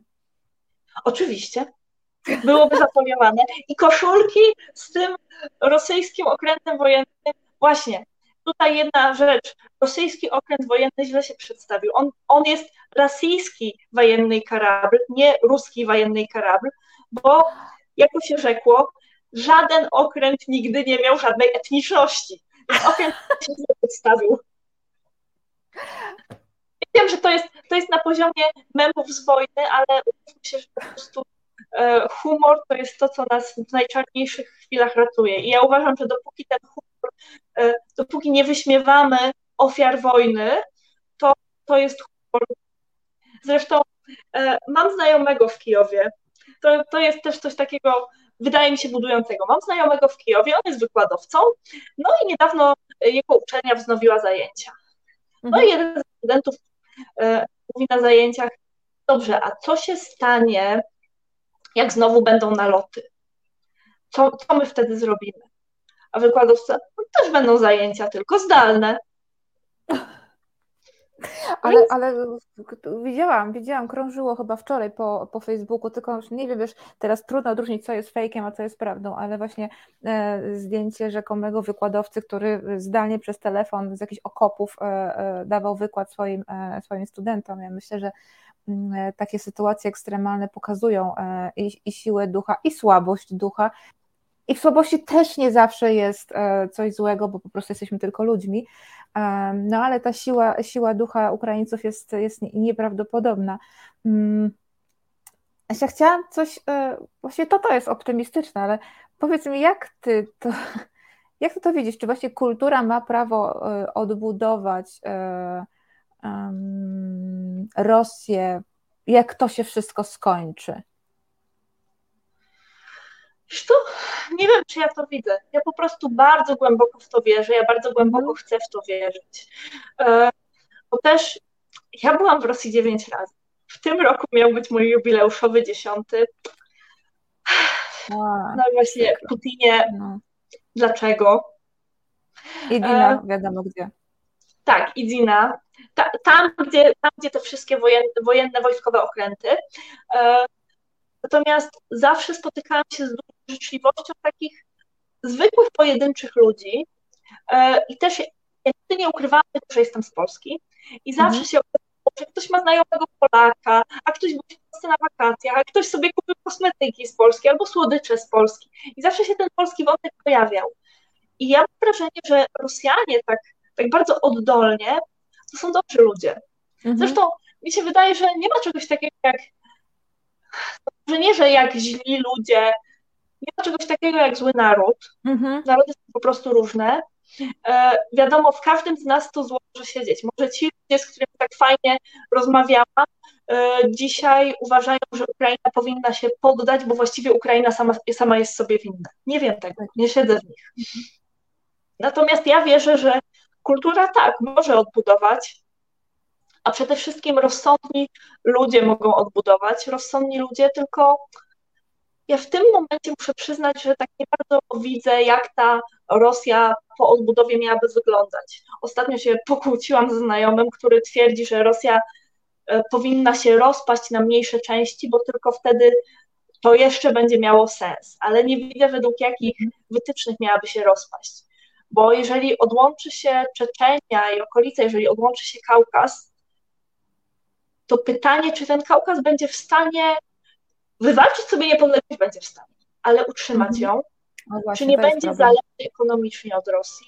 Mhm. Problem zależności ekonomicznych, zależności kulturowych, zależności etnicznych. No właśnie, mamy w Rosji tak te etniczności rozsiane, że to będzie ten sam problem, to byłby ten sam problem, co po upadku Związku Radzieckiego, kiedy nagle mieliśmy masę bezpaństwowców, bo to byli ludzie, którzy na przykład wyjechali z Republiki, z tej rosyjskiej Republiki Radzieckiej do powiedzmy tadżyckiej Republiki Radzieckiej, e, mieli paszport ogólnoradziecki. E, po upadku ZSRR nagle się okazało, że nie są etnicznymi Tadżykami, więc nie mogą dostać tadżyckiego pas paszportu, nie mogą dostać paszportu niepodległego Tadżykistanu, ale nie mają też paszportu Federacji Rosyjskiej, bo nie są w Federacji Rosyjskiej. I nagle się okazywało, że człowiek nie ma paszportu, człowiek jest nikim. Ja się bardzo mhm. tego boję. Więc tutaj z tym rozpadem Rosji ja bym była ostrożna. Mhm. Natomiast e, myślę, że to jest taka kroczków. Najpierw niech się skończy wojna, a potem pomyślimy, co dalej. To, no, to prawda, to prawda. Potem będziemy odbudowywać. A, Asia, dziękuję Ci bardzo. Ja Cię strasznie przytrzymałam. Powiedziałam Ci godzina, a już jest prawie półtorej. Ale Nie ma sprawy. rozumiem. To, to cieszę się bardzo, że jesteś wyrozumiała, bo to się tak ciekawie rozmawiało. E, tutaj e, widzowie e, dopominają się Ciebie więcej w resecie e, u mnie w Azja Incognita, więc mam nadzieję, że jeszcze kiedyś przyjmiesz e, zaproszenie. Ja bardzo e, chętnie, bo wiesz co, powiem Ci, że pierwszy raz, pierwszy raz, może nie od początku wojny, ale od blisko dwóch miesięcy miałam okazję pewne rzeczy powiedzieć na głos w takim w miarę bezpiecznym środowisku, gdzie nie zostanę uznana za, za szarlatankę, za trolla, za ktoś, kto mówi wbrew dyskursowi. To nie to miejsce. Tutaj jesteś bezpieczna. Tutaj są um, ludzie otwarci um, na, na wiedzę i nawet jeśli jest czasami mniej wygodna. E, szaman pisze, zdecydowanie wielka uczta to była dzisiaj. E, także e, takich komentarzy jest, jest, jest bardzo dużo. Asia, bardzo Ci dziękuję za, za dzisiaj. Liczymy tutaj wszyscy na, na, na, kolejne, na kolejne spotkania. Moją dzisiejszą gościnią była dr Joanna Krystyna Radosz, rusycystka, tłumaczka literatury rosyjskiej, mm, także pisarka.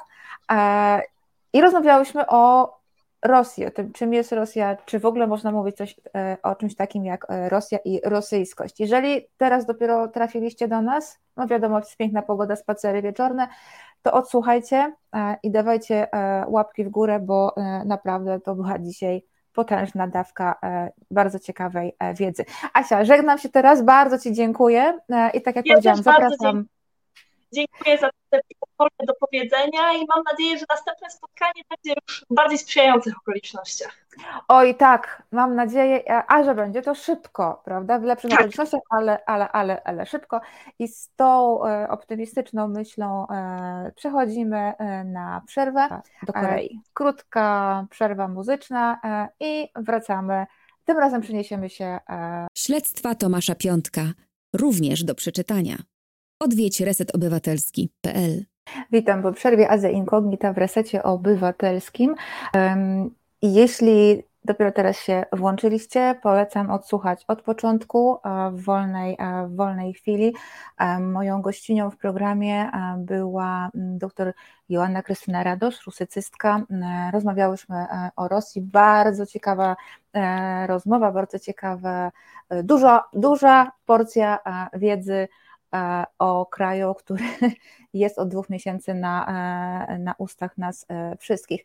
A teraz szybki, no naprawdę szybki, bo się z Asią zagadałam, przegląd tego, co się, takich no, ciekawych rzeczy, które się rzadko przebijają może do mainstreamu w polskich mediach, co się wydarzyło w naszym regionie. Arabia Saudyjska i Bahrain wysłały gratulacje Władimirowi Putinowi. Oczywiście miało to miejsce wczoraj, a gratulacje dotyczyły Dnia Zwycięstwa, który w Rosji obchodzony był, jest, jest 9 e, maja. Jak podaje e, saudyjska agencja informacyjna, zarówno król, jak i następca e, tronu życzyli tutaj jest cytat, życzyli Putinowi dobrego zdrowia, a Rosjanom dalszego postępu i dobrobytu. E, agencja informacyjna z Bahrajnu mm, mówi, że właściwie niemal identyczną w treści depeszę e, wysłał król e, tegoż kraju, tyle że dodał mm, pochwały dwustronnych stosunków, czyli stosunków między Bahrajnem a, a Rosją i wyraził żarliwość do ich dalszego rozwoju minister e, spraw zagranicznych Siergiej, Rosji, Siergiej Ławrow, przybył dzisiaj do Algierii. E, w planach e, wizyty jest spotkanie zarówno z prezydentem tego, tego kraju, jak i jego odpowiednikiem, czyli algierskim ministrem spraw zagranicznych. Temat rozmów to oczywiście sytuacja na Bliskim Wschodzie i efekt wojny w Ukrainie. Ja już wielokrotnie o tym, o tym e, mówiłam tutaj w programie, jakie to są efekty e, dla, dla, bliskiego, e, dla Bliskiego Wschodu, a także rozwój rynku, rynków energetycznych, rynków energii. Wiadomo, że one przeżywają ogromne perturbacje na skutek wojny w Ukrainie i sankcji nałożonych na Rosję przez Stany Zjednoczone Ameryki oraz e, Unię, Unię Europejską. Jeden z czołowych e, polityków e, algierskich stwierdził, że ta wizyta ma na celu pogłębienie, cytat, strategicznego partnerstwa i potwierdzenie siły więzów sprzed 60 lat między Rosją a Algierią. No i że będzie to okazja dla Algierii, żeby potwierdzić swoje stanowisko wzywające do znalezienia politycznego rozwiązania trwającego konfliktu. E, Lionel Messi natomiast został hmm, ambasadorem saudyjskiego, saudyjskiej turystyki. E, piłkarz właśnie dzisiaj przybył e, do e, Arabii Saudyjskiej, został tam zauważony przez media, no i internety wybuchły. Zastanawiano się, co Messi robi w Arabii Saudyjskiej, więc wtedy władze potwierdziły jego nominację na ambasadora turystyki, co spotkało się z bardzo, bardzo ciepłym przyjęciem ze strony E, ze strony internautów, e, także sportowców, którzy wyrazili nadzieję, że no, taki ambasador jak Lionel Messi sprawi, że więcej, znacznie więcej osób zainteresuje się tak wspaniałym, wyjątkowym krajem jak um, Arabia Saudyjska. A propos Algierii, Tomasz Szyndralewicz pisał, właśnie tutaj mamy, e, dziękuję Marcin, e, zdjęcie z powitania e, Messiego e, na lotnisku to jest właśnie organizacja Saudi Tourism, to jest organizacja, która e, zaprosiła go do Arabii, e, Arabii Saudyjskiej. Powitanie, sądząc po zdjęciach, powitanie e, było mm, no, takie bardzo ceremonialne. Ale tutaj jeszcze wracając do. Boże, przepraszam, Maciek, nie Marcin. Maciek, przepraszam, jesteśmy dzisiaj pierwszy raz e, razem, a, a ja ostatnio e, zmieniłam pracę i ciągle jeszcze uczę się wszystkich e, imion w drugiej pracy, więc przepraszam. Maciek. Dziękuję Ci Maćku za, za to zdjęcie. Tutaj Tomasz Szyndralewicz pyta, czy czy obiecano, e, czy, czy, czy Ławrow obiecał e, ukraińskie zboże. Na razie jeszcze nie ma e, żadnych, o właśnie, obiecał im ukraińskie zboża. Nie ma, nie ma jeszcze żadnych informacji w prasie na temat przebiegu rozmów, ale na pewno będą. A my przechodzimy troszeczkę dalej w głąb Azji.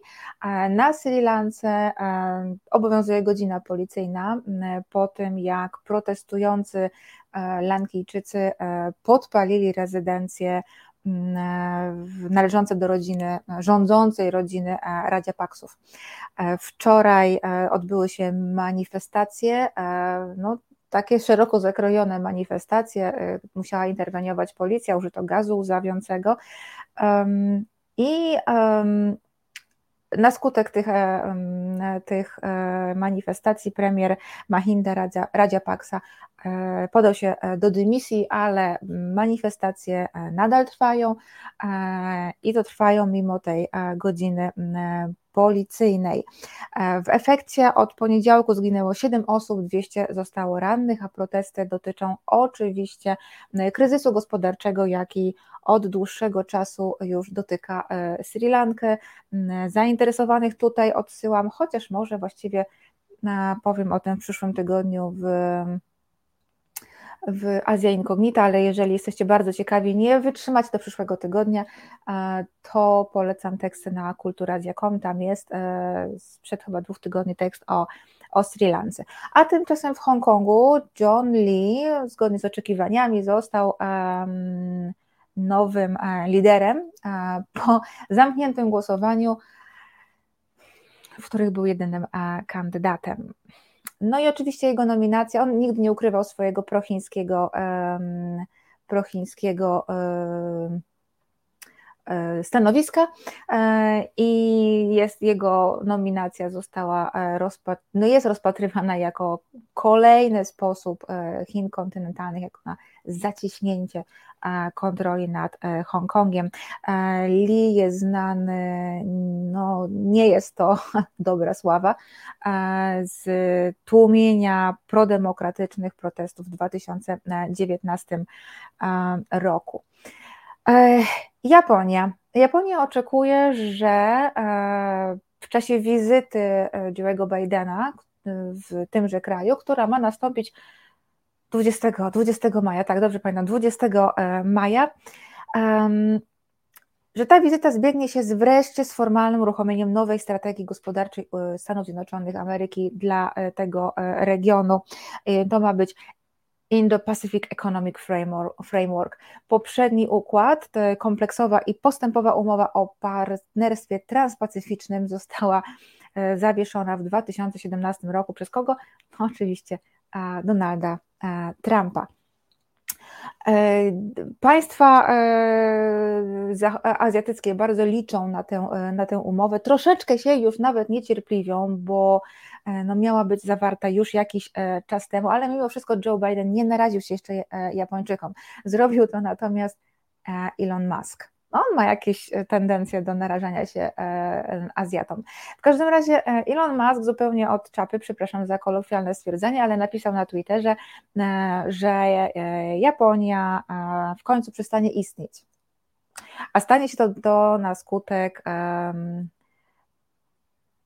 braku no, no, niedostatecznej liczby e, nowych urodzeń. Elon Musk napisał dosłownie, że jeżeli nic się nie zmieni i że e, i, i liczba urodzin, narodzin wreszcie nie zacznie przewyższać liczby zgonów, to Japonia e, przestanie istnieć i wyraził ubolewanie, stwierdzając, że to byłaby wielka strata dla świata. Oczywiście Japończycy nie zostawili e, na, na masku e, suchej nitki, ale co ciekawe, ten tweet wywołał dyskusję nie tylko w mediach społecznościowych, ale w ogóle w mediach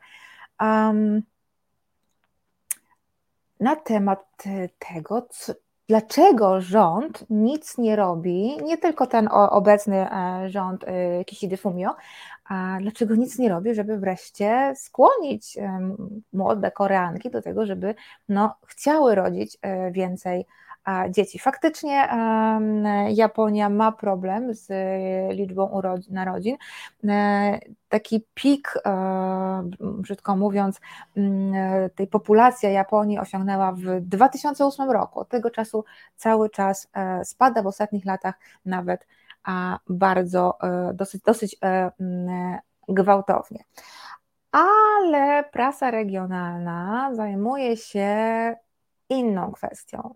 Dzisiaj zainteresowanie, ewidentnie, bo przejrzałam a, a, mnóstwo prasy, nie tylko japońskiej, ale w ogóle prasy regionalnej i cała uwaga skupiła się na Seulu, na Korei Południowej, gdzie odbyło się zaprzysiężenie nowego prezydenta e, Yoon Suk Yeol. E, został nowym e, prezydentem e, Korei Południowej po tym, jak wygrał mm, marcowe wybory. Wygrał o włos, no a niemniej, niemniej wygrał. To jest właśnie zdjęcie z dzisiejszego zaprzysiężenia. Oto, proszę Państwa, Yoon Suk Yeol, były prokurator, przedstawiciel partii konserwatywnej, Mm, która wreszcie znowu ma e, e, prezydenta po kompromitacji e, poprzedniej pani prezydent z tego ugrupowania. I dzisiaj dzisiaj właśnie ślubował i sporo miejsca proszę Państwa, poświęcił e, kwestiom e, polityki zagranicznej. W ogóle już w kampanii e, wyborczej, co jest rzadkością w Korei Południowej, już w kampanii wyborczej bardzo dużo mówiło się o polityce zagranicznej. Chodziło głównie o, o Chiny. I to jest bardzo dziwne, ale jak na kampanię prezydencką e, w Korei Południowej, zazwyczaj e, polityka zagraniczna nie odgrywała, e, nie miała takiego, takiego znaczenia. No i teraz powstaje pytanie, no, czego Korea się może spodziewać, to jest odrębne pytanie, natomiast ja bym chciała dzisiaj, bo nie mam już nawet tyle czasu, ale ja bym się chciała skupić na tym, czego państwa azjatyckie, najbliżsi sąsiedzi, Korei Południowej mogą się po nowej e, prezydenturze e, spodziewać. Marek Gaweł pyta, jak Andrzej.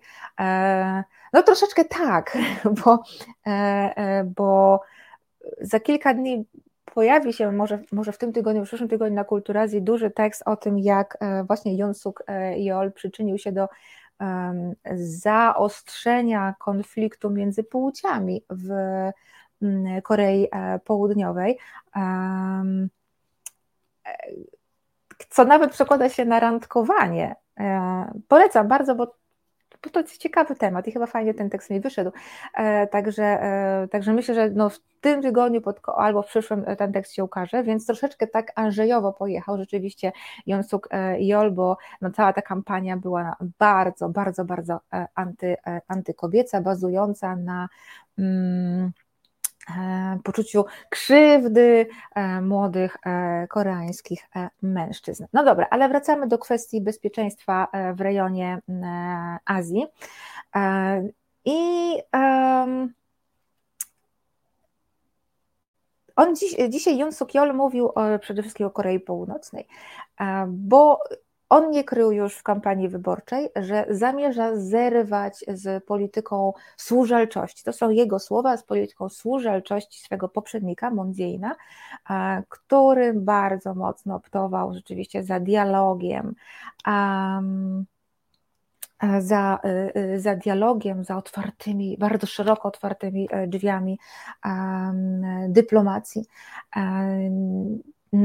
na wszystkich, e, we wszystkich płaszczyznach e, chciał, chciał e, doprowadzić do porozumienia z Koreą Północną. Mm, Yoon Suk Yeol twierdzi, że nie, że on bardzo mocno zaostrzy tę, tę politykę i w jednym z wywiadów powiedział nawet, że mm, do dziennikarza, daj mi tylko okazję, a nauczę tego niegrzecznego chłopca dobrych manier. Niegrzecznym chłopcem jest oczywiście e, Kim Jong-un, czyli przywódca e, Korei, Korei e, Północnej. Mm. No oczywiście w tym samym czasie Korea Północna straszy przeprowadziła już tylko w 2022 roku, przeprowadziła 9 testów rakietowych. Moim zdaniem to są e, testy mm, obliczone raczej na rynek wewnętrzny, że tak powiem, e, który po prostu e, mam wrażenie, że w obliczu ogromnego kryzysu gospodarczego, spotęgowanego przez sankcje, ale też i przez amerykańskie sankcje, ale też przez pandemię koronawirusa, Kim Jong-un musi jakoś ratować swój wizerunek, bo wiadomo, puste brzuchy nieraz doprowadzały do e, rewolucji. E, I taka rewolucja prędzej czy później może nastąpić e, także w Korei Północnej, co może wydawać się nierealne, ale moim zdaniem jest jednak mimo wszystko. I Kim Jong-un chce zbudować takie mm, wrażenie państwa, które, które trzyma w szachu nie tylko swoich najbliższych sąsiadów, czyli Japonię, która się wiecznie boi, Koreę Południową, która drży e, i przytula się do Stanów Zjednoczonych z obawy przed e, potęgą e, Korei Północnej, ale także właśnie trzyma w szachu Stany Zjednoczone z Ameryki, czyli taką, tak potężne mocarstwo, ponieważ takie poczucie, że się żyje w silnym kraju, otoczonym przez wrogów, no potrafi jednak jednak ten, ten brzuch nie zapełnić, ale jakoś odwrócić e, uwagę e, od, e, od tego. Mm, no zawsze jednak istnieje ryzyko, że Kimowi coś do głowy strzeli i jednak to będzie i że jednak rzeczywiście mm, no, zaatakuje któreś z państw regionu, naj, najbardziej, najoczywisty, najbardziej oczywisty wybór to oczywiście Korea Południowa. Jeżeli jakieś państwo można uznać za nieobliczalne, to na pewno jest to Korea Północna. Ale Yun Suk-yeol zdaje się e, nie bać. E, tutaj Tomasz pisze, to chyba racjonalne przy Kimach porozumienie nierealne. No, na niektórych płaszczyznach ekologicznych. Okay, no. Wydawałoby się, że, że jest to możliwość, ale faktycznie e, Kim, e, obecny Kim trzeci e, rozbrajać się nie chce, nadal manifestuje chęć nawet takiego troszkę powrotu do tej potęgi militarnej i dalej chce rozwijać potęgę nuklearną. Natomiast Yun Suk-yeol twierdzi, że nie, zawie, nie e, zamierza zawrzeć traktatu pokojowego z Koreą Północną, dopóki e, Kim Jong-un e, nie, nie przystąpi do, znaczy nie zrezygnuje z programu nuklearnego.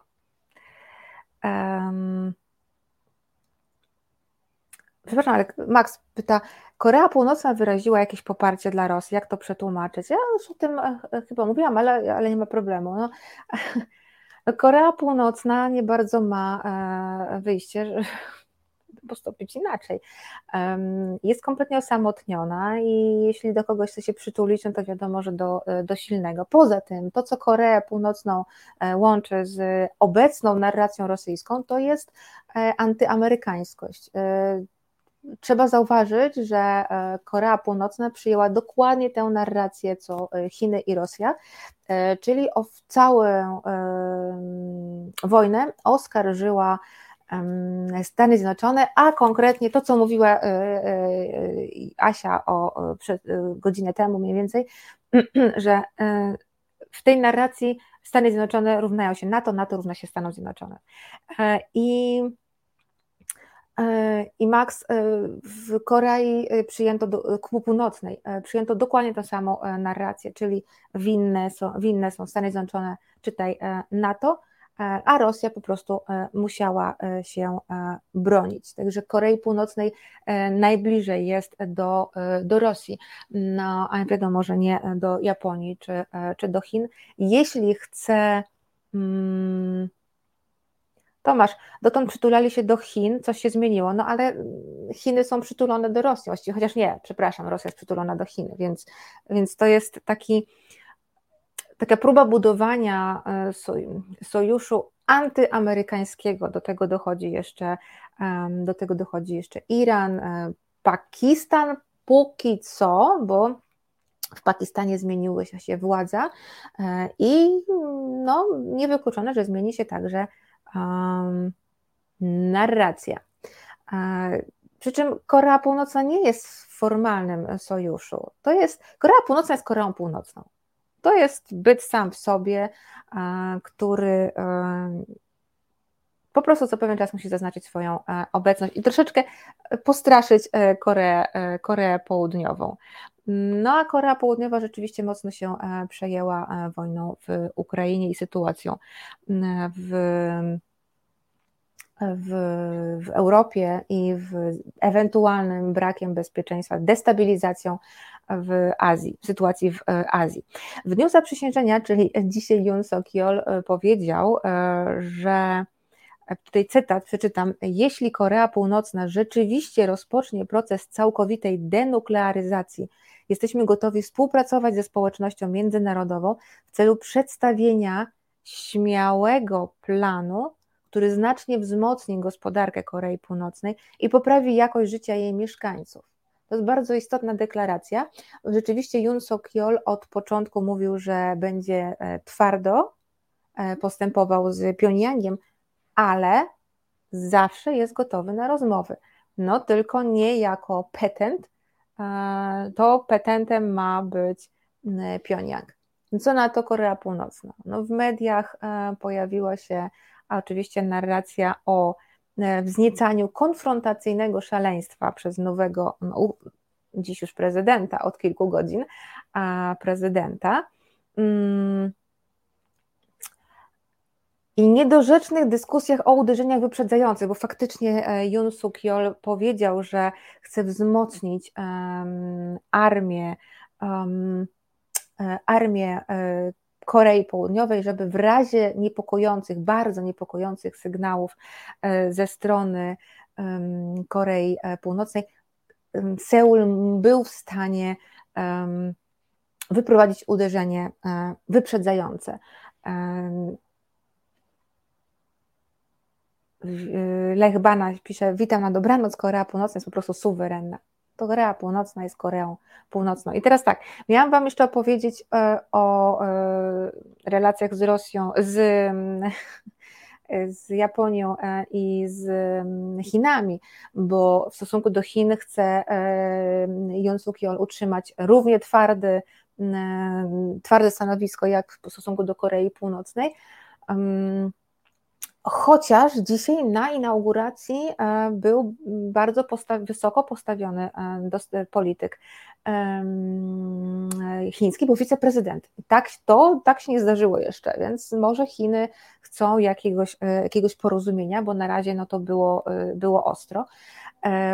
Natomiast nieco łagodniej zamierza rozmawiać z Japonią. Ewidentnie dąży do Yoon Suk Yeol do przymknięcie oka na problemy, o których ja już mówiłam, e, kwestii zaszłości historycznych, czyli kwestii pocieszycielek, e, czyli niewolnic e, seksualnych japońskich, koreańskich, wykorzystywanych przez Japończyków i robotników koreańskich. Moon Jae-in tutaj miał bardzo, bardzo, bardzo, bardzo ostre stanowisko, a Yoon Suk Yeol chce je e, złagodzić i widać dobrą wolę ze strony japońskiej. Widać, e, Kishida Fumio nie przyjechał wprawdzie do Japonii, no to już byłoby, do Korei, to już byłoby ciut za dużo, ale wysłał e, też ważnych dostojników i, te, i mają się odbyć rozmowy. Jeśli chodzi o szczegóły, to odsyłam do dzisiejszego artykułu na kulturazja.com, tam jest wszystko wszystko wyszczególnione bardzo mocno o Japonii i Chinach. Nie zdążyłam tego dzisiaj niestety powiedzieć, ale chyba rozumiecie, że rozmowa z dr Joanną Krystyną Radusz była no, na tyle zajmująca, że zajęła nam troszkę więcej czasu niż e, przewidziałam. Dorota Hajniska się pojawiła czy odsłucha rozmowy od początku, koniecznie, koniecznie Dorota, bo naprawdę bardzo ciekawa. I ja też przypominam o łapkach e, w górę, gdybyście zapomnieli. To jest dla nas też e, bardzo, bardzo ważne. Także odsyłam do artykułu na kulturazja.com, zapraszam na przyszły tydzień, no szykuję też bardzo, bardzo ciekawą, ciekawą rozmowę i zapraszam na program, teraz zostawiam Was w rękach Karoliny Rogeskiej i mam nadzieję do zobaczenia w przyszłym tygodniu.